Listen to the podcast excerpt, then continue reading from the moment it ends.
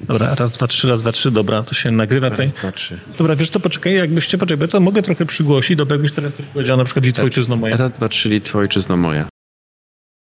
Dzień dobry. Chciałem dzisiaj zaprosić Państwa na spotkanie z Filipem Ostrowskim.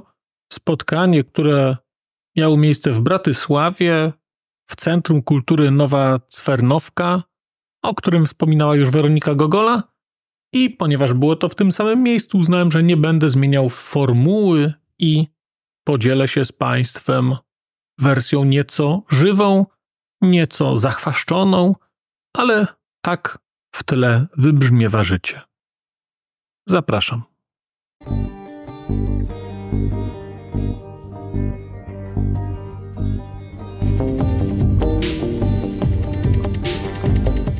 Literatura ze środka Europy.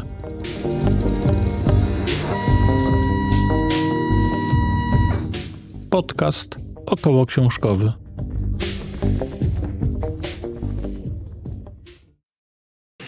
Dzień dobry, witam Państwa. Marcin Piotrowski, podcast Literatura ze Środka Europy. Dzisiaj kolejne wydanie bratysławskie, kolejne wydanie słowackie. Kończy się niestety mój pobyt na Słowacji, a moim ostatnim gościem jest Filip Ostrowski z wydawnictwa Absynt. Cześć Filipie. Cześć.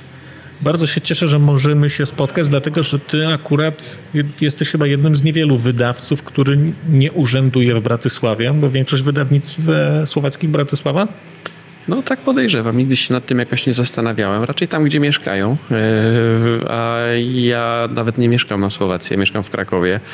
A wydawnictwo ma swoją siedzibę w Żylinie. No właśnie, wydawnictwo ma siedzibę w Żylinie, ale akurat dzisiaj jesteś w Bratysławie, bo chyba dzisiaj macie ten tour de była Czechosłowakia i przyjechaliście z jaką książką dzisiaj? Przyjechaliśmy z książką Pauliny Siegień o Kaliningradzie, o królewcu. Czyli Kralowcu. K- Kralowcu. Kralowcu. No właśnie, bo ty masz wydawnictwo, nie wiem czy mam wrażenie, że polscy słuchacze, polscy czytelnicy pewnie o tym wiedzą, że wydawnictwo Absynt to jest taka, no powiedziałbym, coś, takie miejsce, które eksportuje polską kulturę, polski reportaż. Zaczął eksportować go na Słowację, ale to nie jest to tylko Słowacja, bo to są także chyba Czechy. Mógłbyś opowiedzieć dwa słowa o tym, jak to się zaczęło i co wydajecie i dlaczego? Dobrze. Yy, więc mm, przede wszystkim ja, ja myślę sobie, że akurat polscy czytelnicy czy polscy słuchacze o tym, o tym nie wiedzą. No jednak mm, siłą rzeczy my działamy na Słowacji i w Czechach, najbardziej na Słowacji. Tutaj zaczynaliśmy. Wydawnictwo założyłem z moim kolegą, przyjacielem Jurajem Kołderą, z którym pracowałem w jednej, w jednej z polskich firm. I w pewnym momencie już jako tacy ludzie, których, których taki ciężki, twardy biznes troszkę yy, zeszrotował, yy, no uznaliśmy, że chcielibyśmy coś zrobić dla siebie. Jakieś takie się spotkały dwie linie, właśnie jedna taka potrzeba indywidualna zrobienia czegoś dla siebie, a nie, nie tylko dla, dla pracowania dla kogoś, a, a druga no po prostu związana z tym, że obydwaj no, czytaliśmy trochę polskie reportaże, nie tylko polskie, ale w języku polskim. W polskim języku jest bardzo dużo reportaży, więc czytaliśmy w języku polskim. Juraj czyta po polsku, jest właściwie po literaturze polskiej i literaturze słowackiej, więc ten, ten twardy biznes to dla nas też było właściwie, po prostu tak nas rzucił los. I, i tam pracowaliśmy, nie, byliśmy, nie jesteśmy inżynierami, raczej jesteśmy po studiach humanistycznych. No i, e, i po prostu mieliśmy szalony pomysł, żeby, żeby założyć wydawnictwo i przejść, zrobić to po swojemu. Mamy taki jeszcze trochę bizn- biznesowy szlif, jakby nie boimy się excelowskich tabulek czy tabelek i i, e, no i lubiliśmy czytać, lubiliśmy rozmawiać o świecie, o reportażach i, i, no i bardzo często właśnie jakoś tak naturalnie e, się pojawiał temat jakiejś książki i w pewnym momencie Juraj zadzwonił, mówił, że tutaj sobie robi takie badania w księgarni, pyta o reportaże, no i, i powiedział, że, że niech mu jeszcze poda, może jeszcze jakieś nazwiska, że on sobie tylko sprawdza.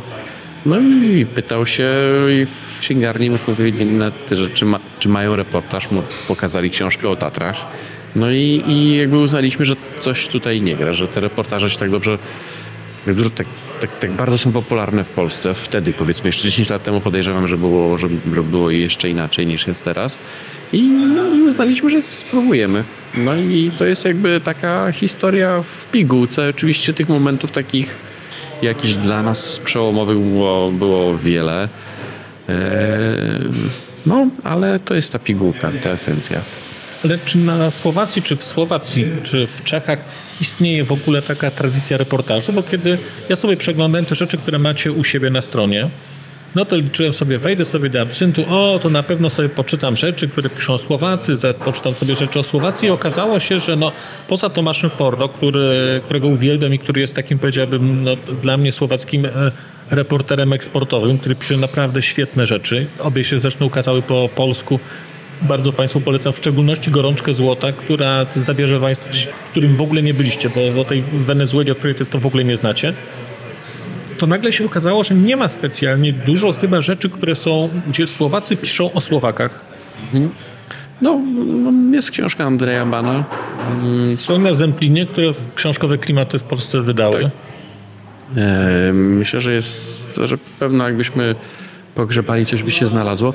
Na ja nie jestem jakby po, po po słowacystyce. Ja nie jestem ekspertem od e, słowackiej literatury, dlatego nie chciałbym się jakoś tam kategorycznie wypowiadać. My po prostu robimy swoją działkę i raczej zajmujemy się tym, co jest aktualne, ale, ale jak rozmawiam z kolegami, no to, to, to były, byli reporterzy czy reportażyści, którzy pisali e, z tym, że nigdy nie, jakby gdzieś tam w 60., 70. latach, ale nigdy nie oś, nie wiem, chyba nie osiągnęli tego takiego poziomu jakiejś takiej kultowości, e, którą w Polsce osiągnął Kapuściński, Kral, Konkoleski i, i, i, po prostu jakby chyba nie było tej tradycji też później pracy, przekazywania pewnych, pewnego know-how, jakiegoś dziedzictwa i, i nie ma właśnie takich osób, nie wiem, jak Mariusz Szczygieł czy, czy ludzie wokół Instytutu, Instytutu którzy jakby promują sam gatunek i, i że to wszystko jakby się tak, no to jest system pewien,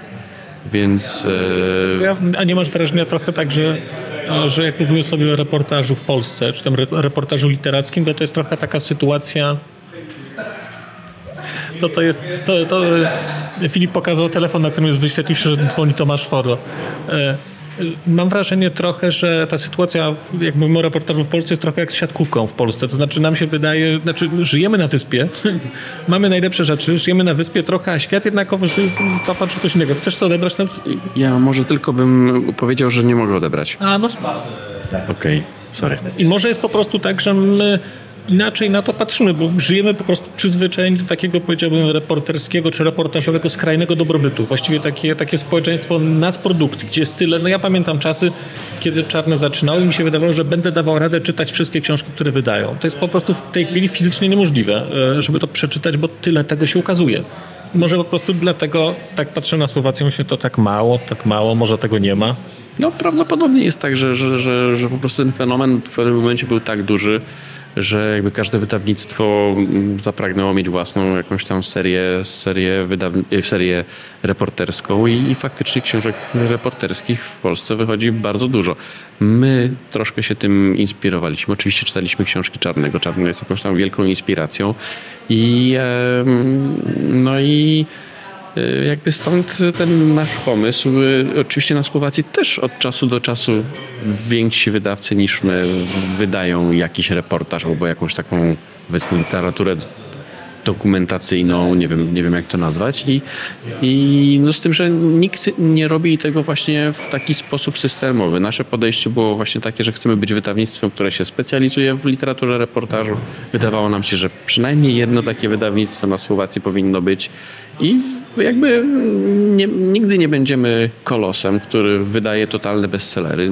Pewno nigdy nie będziemy mieli Jonesbo albo jakichś totalnych po prostu bestsellerowych autorów, ale, ale wydaje się, że ta grupa kilku osób, która jest przy wydawnictwie, jakby jest w stanie żyć z tego projektu. Znaczy ja nie wiem, czy wydawnictwo musi wydawać e, jakichś super bestsellerowych autorów, bo mi się wydaje, że na tym polega profil wydawniczy, żeby sobie trafić, wiedzieć czego się chce i pewne rzeczy robić. Ja miałem niedawno okazję rozmawiać e, z kolomanem Kertesem Bagalą, mhm to on bardzo jasno, to, to było niesamowite. To było dla mnie spotkanie z człowiekiem, który był o, człowiek opowieścią o pasji. Ja mówię, ja wydaję książki. Kropka. Mnie dalej nie interesuje. Ja szukam talentów, szukam nowych ludzi, pomagam im wejść na rynek i teraz szukam kolejnych osób. I sobie tak myślałem, rany, to jest chyba najpiękniejsza rzecz, którą usłyszałem, tak jak zobaczyłem takiego wydawcę, który po prostu robi to z pasji i mam wrażenie, że wy też robicie z pasji. No, musicie z czegoś żyć, ale to jest jednak po to, że chcecie fajne rzeczy wydawać. No jest tak, to no, no, Kaliego można tylko podziwiać, jakby to to ile on zrobił dla, dla, słowackich, dla słowackiej literatury, dla autorów, e, no to jest po prostu coś niesamowitego i ciągle jakby z takim zapałem i, i z pasją.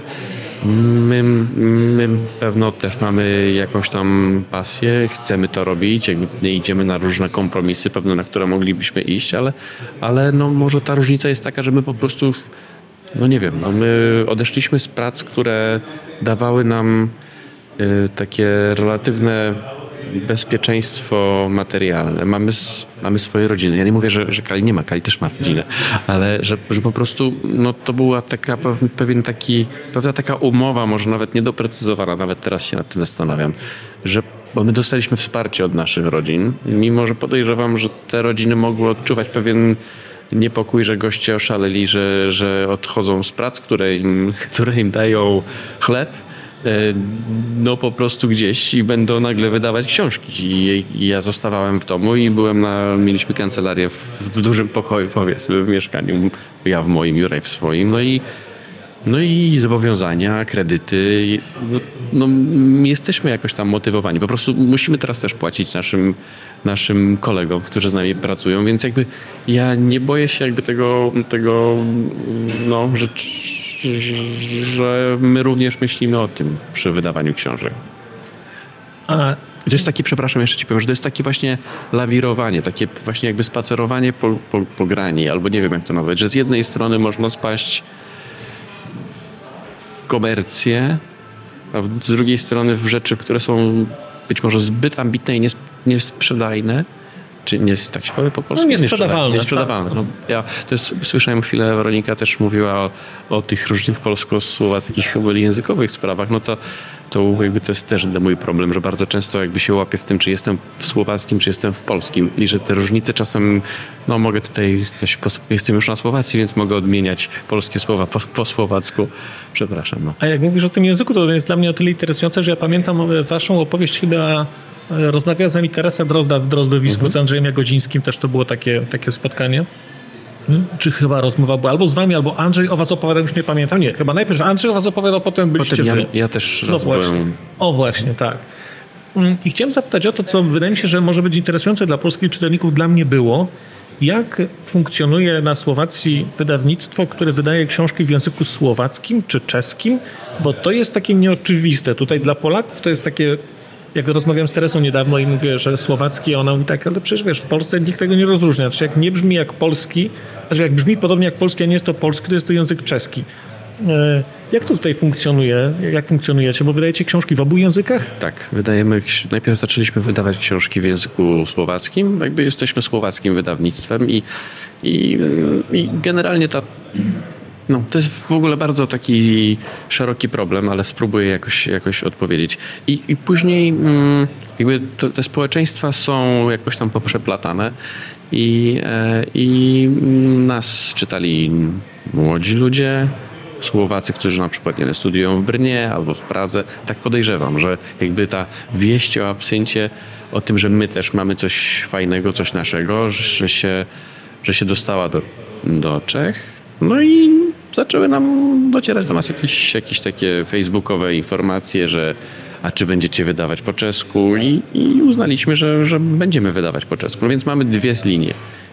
Jedna jest linią językową czeską, druga jest linią językową słowacką. Obydwie mają oddzielne dystrybucje, czyli mamy dwóch dystrybutorów czeskich, dwóch dystrybutorów słowackich.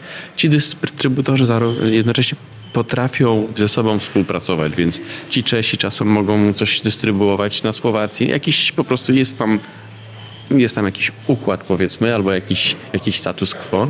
No i, e, no i część naszych książek Słowacy generalnie czytają po czesku coraz mniej.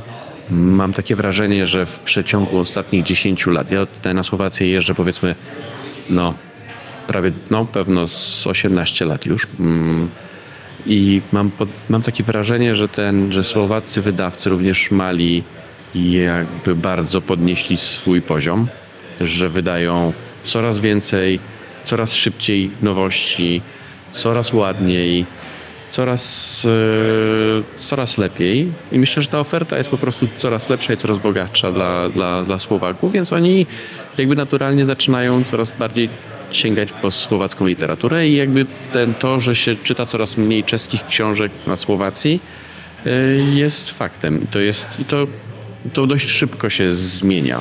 Ale było tak, jeszcze za Czechosłowacji, że no w pewien sposób mam wrażenie, też nie chciałbym jakoś się kategorycznie wypowiadać, że, że no jednak ta, ta czeska kultura i czeskie wydawnictwa no, dominowały, więc spotykaliśmy się na przykład z takimi, z takimi głosami, że um, od starszych Słowaków raczej poczekam na czeskie tłumaczenie, na pewno będzie lepsze.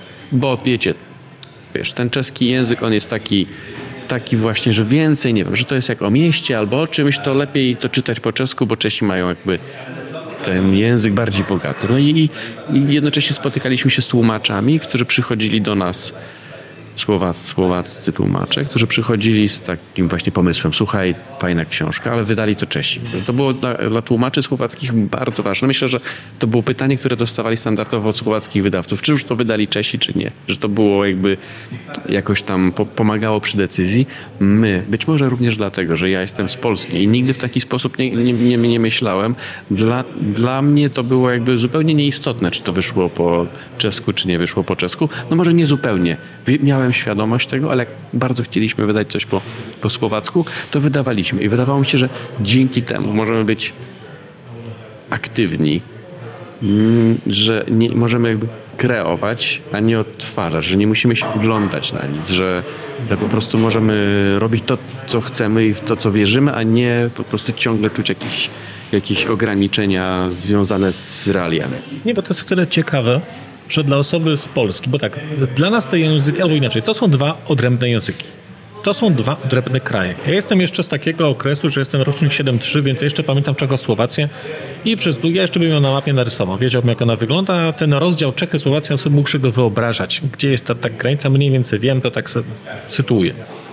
Ale jak teraz uczę się języka czeskiego, no to wydawało mi się, że jak przyjadę na Słowację, to będę tak, e, normalnie wszyscy będą mnie rozumieć. Tak zasadniczo ten mój czeskawy taki rok się uczy, więc taki jest taki do, do bani, ale jakoś mnie rozumieją. Natomiast na takim poziomie, jak wziąłem, okazało się, że jestem w stanie czytać po słowacku, co było dla mnie ogromnym zaskoczeniem. Pojedyncze słowa trzeba sobie sprawdzać, brzmią inaczej ale właściwie z polskiej perspektywy mówimy o dwóch krajach, które mają tak podobne języki, że jak pojedzie Słowak do Czech, czy Czech do Słowacji, to normalnie się dogadają i nie będzie najmniejszego problemu. Znaczy, nie wiem, tak, tak to funkcjonuje na to? Mi się wydaje, że to nie, nie jest związane z tym, że te języki są podobne, tylko jest związane z tym, że, że po prostu te narody, czy ci ludzie mówiący w tych językach współistnieli. Że w wiadomościach, jak były wiadomości z Pragi, to w słowackiej telewizji mówił jest ten, ten komentator czy reporter po czesku, a jak były ze Słowacji, z Bratysławy, to mówił je po słowacku, więc oni są wychowani jakby w dwujęzyczności. Może to na przykładzie też mojej żony, e, e, która jest Słowaczką, powiem, że, że Litka ma stuprocentowe zrozumienie z Czechem. No może 99% zrozumienie z Czechem, jak rozmawiają, co nie znaczy, że płynnie i błyskotliwie rozmawia po, po, po czesku. Ona jakby zostaje w swoim języku, potrafi się, nie wiem, śmiać z różnych czeskich tam e, e, właśnie takich językowych specyficznych e, rzeczy, ale, ale po prostu zostaje w słowackim, a jednocześnie ma stuprocentowe porozumienie. E, I to szczególnie dotyczy ludzi, którzy są starsi. Myślę, że o tym czytałem już, że młodsze pokolenie, które nie ma tyle telewizji, takiej czechosłowackiej właśnie, które podejrzewam, że mniej czyta po czesku, bo właśnie się, no to siłą rzeczy tracą tą swoją wyjątkowość i tą swoją przewagę jeden i drugi naród. I też jakby warte podkreślenia jest to, że, że na pewno e, że na pewno Słowacy no, łatwiej się, no, łatwiej, podej- no, łatwiej chętniej czytają e, czeskie książki niż Czesi słowackie, że są gotowi na ten, no myślę, że to jest historycznie jakoś tam też taki, no to są gotowi na ten taki, taki no powiedzmy trochę intelektualny trud, ale też takie powiedzenie sobie, że będę jednak czytał w innym języku. Mm, to, o czym jest, e, wspomnieć jest ciekawe rzeczywiście, bo to jest być może takie dziedzictwo Czechosłowacji ostatnie, które odejdzie jako ostatnie, bo ja pamiętam, kiedy jakiś czas temu jeszcze słuchałem sobie archiwalnych e, nagrań czeskiego radia, właściwie czechosłowackiego radia i były tam na przykład jakieś takie, no, takie historyczne rzeczy mnie zainteresowały i na przykład jakieś sprawozdania z różnych rzeczy. I było tak, że na przykład jak było sprawozdanie z 1 maja czy z jakiegoś święta, to mówił ktoś dwa zdania po czesku, za chwilę przejmował drugi komentator, który mówił po słowacku. Było to dla mnie niesamowite doświadczenie, hmm. bo widać było, że oni po prostu opowiadają o tym, to są dwie osoby, każda mówi w swoim języku, zresztą do tej pory, kiedy słucham czeskiego radia, jest mnóstwo korespondentów słowackich i oni po prostu mówią po słowacku, ci pytają po czesku, ci odpowiadają po słowacku i to po prostu normalnie tak działa. Natomiast no, to jest ciekawe, czy rzeczywiście mm, ta dwujęzyczność zaniknie, bo spotkałem się też takich w ramach podcastów językowych, którzy prowadzą trochę starsi ludzie, no, nieco młodsi ode mnie, ale już tacy dojrzali i mówili, że dla nich to jest naturalna dwujęzyczność, ale na przykład dla ich dzieci właśnie traktują ten język jako całkowicie obcy i są w stanie mówić e, na przykład po angielsku do Słowaków, Czesi albo Słowacy do Czechów i to jest dla mnie już taka całkowita abstrakcja jednak, no. jak, jak, jak bardzo te rzeczy no, można... No, ale właśnie, że jeszcze może ważne jest to, że ja na przykład mówię po słowacku i generalnie dość pewnie się czuję w języku słowackim, e, jak rozmawiam, że mam szybko reaguję i właściwie no, pewnie się czuję. Popełniam błędy oczywiście, ale pewnie się czuję w tym języku. Dobrze komunikuję się, tak, tak myślę sobie.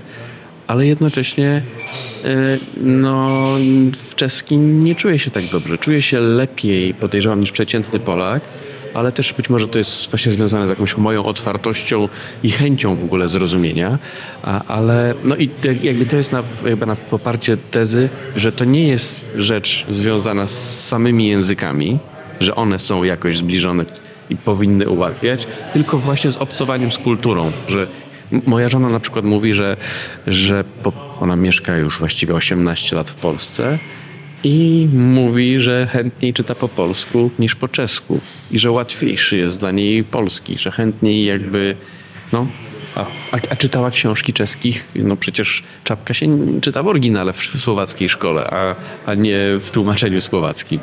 No to właśnie było to takie ciekawe, było w, w, w tym roku wcześniej była taka dyskusja o tłumaczeniu Haszka.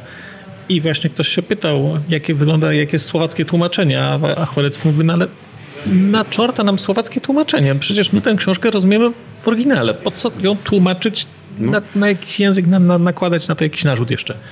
Dobra, Filipa, wracając teraz do książek trochę.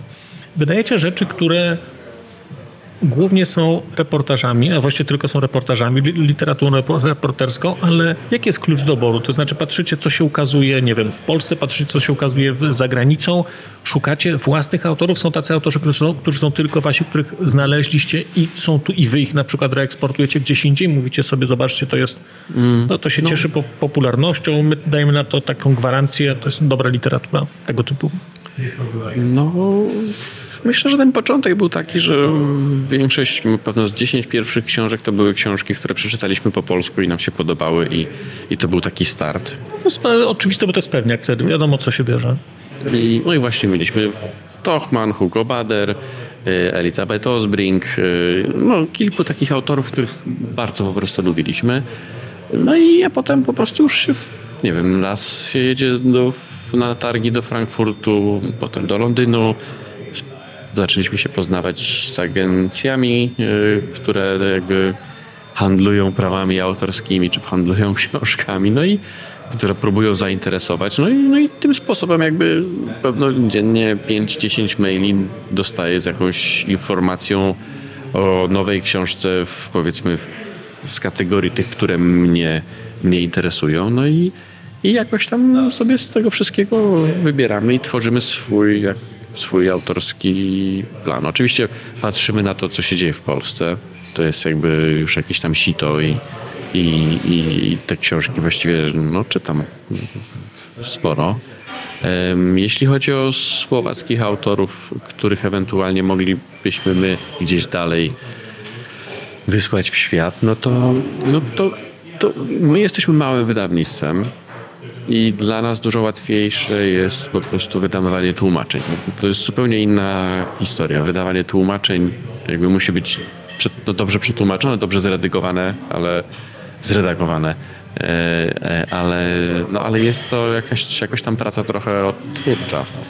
W przypadku y, książek oryginalnych, bo już też takie mamy, które powstają jakby u nas, no to już jest praca po prostu redaktora, który, który z autorem jakoś tam tworzy nowe, coś nowego. No i, no i właśnie Andrzeja Bana Słoń na Zemplinie, Łukasza Anderczanina Utopia w Leninowej Zagradzie, Marka e, Ucieca, e, e, Uzol, e, Magda Rocho, e, żeny, które zostały, czyli kobiety, które zostały e, i kolejne, które gdzieś tam mamy w planie, ale siłą rzeczy jakby mm, jesteśmy małym wydawnictwem, więc nie jesteśmy w stanie, no nie mamy tego sztabu po prostu redaktorów, którzy mogą, którzy mogą współpracować przy powstawaniu książek. Ale to co roku w takim razie macie jakąś taką, nie wiem, zakładacie sobie, że na przykład w roku wydajecie jednego autora na przykład zupełnie nowego, to jest tak? Czy po prostu... Nie ma, nie czy... ma założenia. To nie ma założeń. bardzo, znaczy chcielibyśmy i często z Jurajem jakoś tam w różnych sytuacjach takich publiczno, publicznych mówimy, że, że słowackimi wydawcami będziemy dopiero jak zaczniemy wydawać po słowackie, słowackich autorów, że to jest jakby no, no, że to jest inny poziom bycia e, wydawcą. Tak mi się wydaje, że my jesteśmy na razie takim, no, no, że jesteśmy mało twórczym. Wprawdzie no, jest tam jakiś nasz gust, wybieramy sobie różne rzeczy i formę graficzną i, i współpracujemy z ludźmi i jakby po, dajemy pieczątkę jakąś naszą, ale, ale jesteśmy trochę twórczy. No. Ale wiesz co, tak myślę, że to też jest ważne, bo ja pamiętam, że swego czasu słucham, jak mm, opowiadał Marek Nieciecki o, roli dziennikarza muzycznego i powiedział, że to jest rolą dziennikarza muzycznego jest właśnie przesłuchać 10 płyt po to, żeby wybrać dla Państwa cztery utwory, które będą naprawdę dobre, po to, żebyście nie musieli tego słuchać wszystkiego, więc wydaje mi się, że to, jest, to też jest twórcze. Trochę, trochę jesteśmy kuratorami. No, może o, tak. kurator, no, to jest dobrze powiedziane. Chciałem zapytać jeszcze o szatę graficzną Waszych książek, bo one mają, no, one są tak pod względem typograficznym bardzo charakterystyczne trochę. Kto wam to zrobił? Jak to, jak, e, kto jest autorem tego? Jak, ta, jak to książki działa? Jakby współpracujemy już z, z różnymi yy, projektantami. Yy, myślę, że ich jest czwórka albo piątka, ale yy, ale ten pierwszy projekt, który jest najbardziej charakterystyczny, ten taki kartonowy paperback z paskiem kolorowym, to to jest projekt Pawliny Morchaczowej, która zresztą w Cernowce ma swoje, swoje biuro. Y, I z Pawliną się spotkaliśmy, bo ktoś nam powiedział. Więc z Jurajem po prostu przyszliśmy tutaj, że byliśmy zupełnie zieloni. I, I, też on z Żyliny, ja z Krakowa przyszliśmy, że chcemy wydawać książki, z kimś się spotkaliśmy. Ktoś się zapytał, czy mamy grafika, spotkajcie się z Pawliną. No i poszliśmy, spotkaliśmy się, powiedzieliśmy jej, czym jest literatura reportażu, jak my ją widzimy. I Pawlina jakby po pół godzinie powiedziała, że idzie z nami jakby do tego. I, i, i stworzyła projekt, który jest myślę, że bardzo oryginalny. Wiele osób jakby go chwali. Y, lubią z nim pracować księgarze, bo jest właśnie taki z jednej strony minimalistyczny i taki nie rzucający się w oczy, a z drugiej strony właśnie może przez ten minimalizm on świeci w tej księgarni. W tym kolorze takim.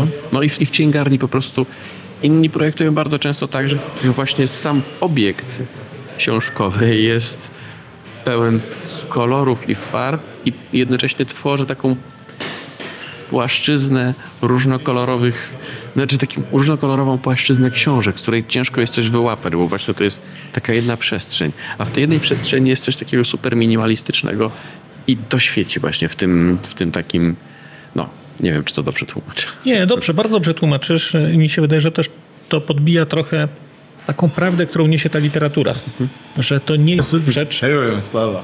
Dziękuję. Że to nie jest rzecz, która jest która buduje pewną opowieść na. Albo inaczej. To jest coś, co mówi prawdę po prostu. Od początku do końca mówi, że to jest opowieść prawdziwa. ja też, kiedy patrzę na ten, ten, mam wrażenie, że nawet poprzez te duże kontrasty tego takiego głównego kroju, nie wiem, nie znam tego kroju, ale no, to całość jest rzeczywiście zapadająca. Raz się zobaczę te książki i będzie się wiedzieć, że to jest rzecz od was. Na końcu jeszcze, zanim, e, zanim skończymy, chciałem jeszcze cię zapytać o wydawnictwo Kaligram. Bo wy macie w tej chwili, nazywacie się Absent Kaligram. Było, bo było wydawnictwo Kaligram, i wy, jak to się skończyło? Będę, będę, musiał jakby to wyjaśnić. My jesteśmy wydawnictwem Absynt. Pan Laszlo Sigeti, który był szefem e, wydawnictwa Kaligram przez długie lata i jakby dostarczył Słowakom po prostu setki e, wspaniałych dzieł literatury. E, no w pewnym momencie uznał już, że, że już jest za stary i nie będzie tego robił. I pojawił się taki, taki problem, że co dalej z kaligramem. No i, no i chciał, chciał jak, w jakiś sposób, żeby ten, ten kaligram trwał. I, no i my się umówiliśmy, że moglibyśmy spróbować pod marką Kaligram wydawać, ale nowy program, nasze rzeczy, tylko pod marką Kaligram. No i, i zaczęliśmy wydawać taką eseistykę, która, która mm, miała być no, bardzo w takiej w pierwszej osobie, jakby ktoś dzieli się prostym językiem, dzieli się swoim doświadczeniem jakimś tam życiowym czy, czy, czy zawodowym jakby z, nie wiem, z wnuczką albo z kimś, z kimś młodym, że opowiada o swojej po prostu, może, może to jakoś zamknę, że miała to być taka trochę eseistyczna edycja.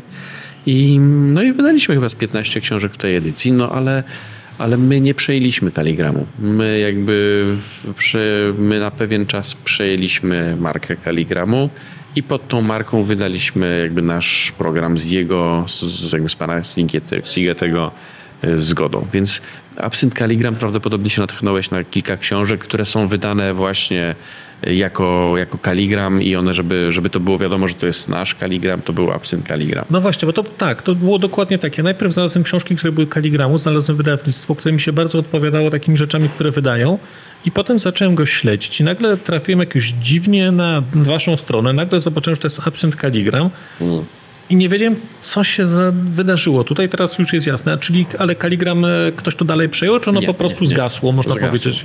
Zgasło. Czy zgasła taka marka, e, którą... Kaligram którą... jest węgierski i to jest wielkie wydawnictwo na Węgrzech, bo pan Laszlo Sigeti jest, jest jakby Słowakiem yy, z mniejszości węgierskiej. Nie wiem, czy tak się yy, definiuje, ale ja tak sobie pozwolę. Bo, bo, bo, więc, więc jakby ma no jest ten Peligram też węgierski i on żyje i myślę, że ma się bardzo dobrze, ale ten słowacki e, no zgasł. My chcieliśmy jakoś go jakoś z nim pracować, ale no myślę, że no po prostu nam się nie udało. Może ten, ten nasz projekt był zbyt ambitny właśnie. W tej chwili jesteś w Bratysławie, bo promujesz książkę Pauliny, która już w Polsce jakiś czas jest. A jakie macie dalsze plany? Będą jakieś kolejne rzeczy, które będą się, e, znaczy, czy będą, wiadomo, że będą. Jak, jakie są kolejne wasze plany wydawnicze? Przede wszystkim też ważne jest to, że my już od dawna nie wydajemy tylko polskich książek. Zresztą pierwsze trzy książki, które wydaliśmy, to, były to byli polscy autorzy. Szczygieł, Tochman, nie, yy, Boże, yy, Smoleński, Tochman, yy, Ostałowska. I później już to się zmienia. W tym roku, jak Weronika pytała mnie właśnie przed kilkoma dniami, jakich, jakie polskie książki wydaliśmy, to ja naliczyłem w tym roku tylko trzy polskie książki z chyba z 25. Więc... Moje pytanie nie, nie zmierzało do tego, żeby powiedzieć, że, że właśnie będziemy robić mhm. Centrum Polskości. Nie, nie. Jestem ciekawy, co wydajecie po prostu. No, tutaj przyniosłem ze sobą właśnie książkę, która przyjechała do naszego biura dzisiaj. To jest książka Michaela Zygara Wojna i trest, czyli Wojna i kara. Taka parafraza. E, no i to jest książka o, o Ukrainie i o Rosji. Mm, Michał Zygar myślę, że nie jest tak bardzo popularny w Polsce, jak jest popularny e, na Słowacji. On napisał taką książkę Wszyscy mocni Kremla, to Agora wydawała w Polsce, my to wydaliśmy też. I no to jest jeden z naszych mm, takich naj bardziej popularnych autorów. Będziemy, będziemy wydawać. E, no w tym roku właściwie jeszcze wydamy Emanuela Carrera, Królestwo, które też nigdy nie było wydane w, w, w, na Słowacji i, i jeszcze jeden fotobook. I właściwie to już jest wszystko. No już jakby mamy, już jest listopad, więc wydawcy są już mają no, główną, już ich teksty wszystkich książek są w drukarniach na pewno. A jak dzwonił Tomasz Forda, bo tak, u nas w Polsce akurat mówię u nas w Polsce, ale w Polsce ukazała się teraz Gorączka Złota, ale to była jego książka poprzednia.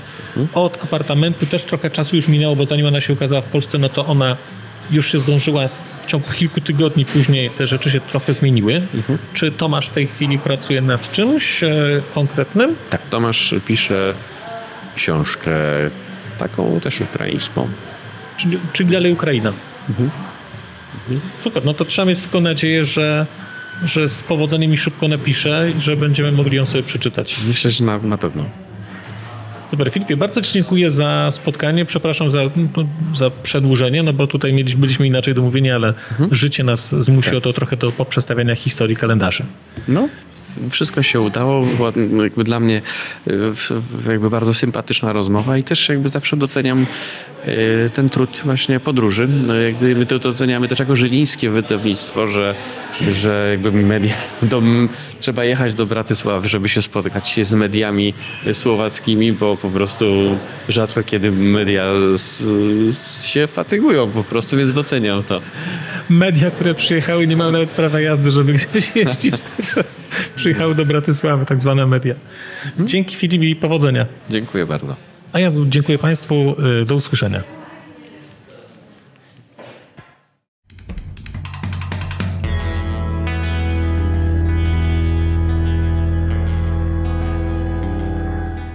Bardzo dziękuję Państwu za wysłuchanie tego odcinka, bo skoro jesteście w tym momencie, to znaczy, że wysłuchaliście go do samego końca.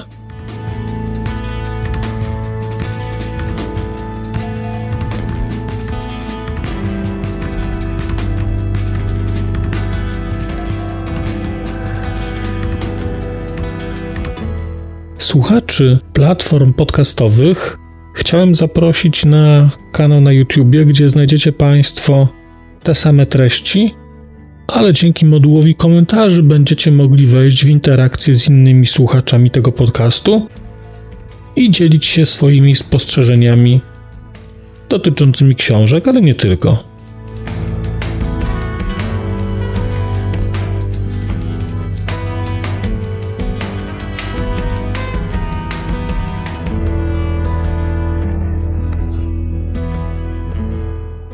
Oprawa muzyczna tego odcinka została zrealizowana na bazie muzyki słowackiego zespołu Longital.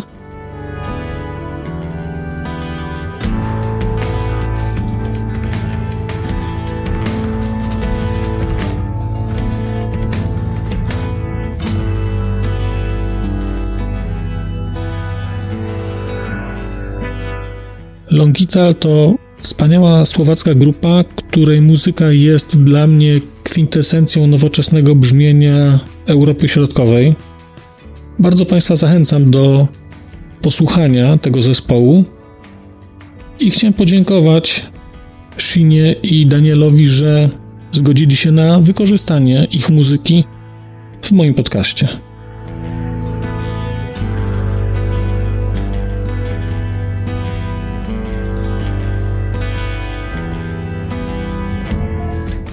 Krzysztof a Daniel, Ďakujeme vám veľmi pekne, že ste nám umožnili použiť vašu hudbu.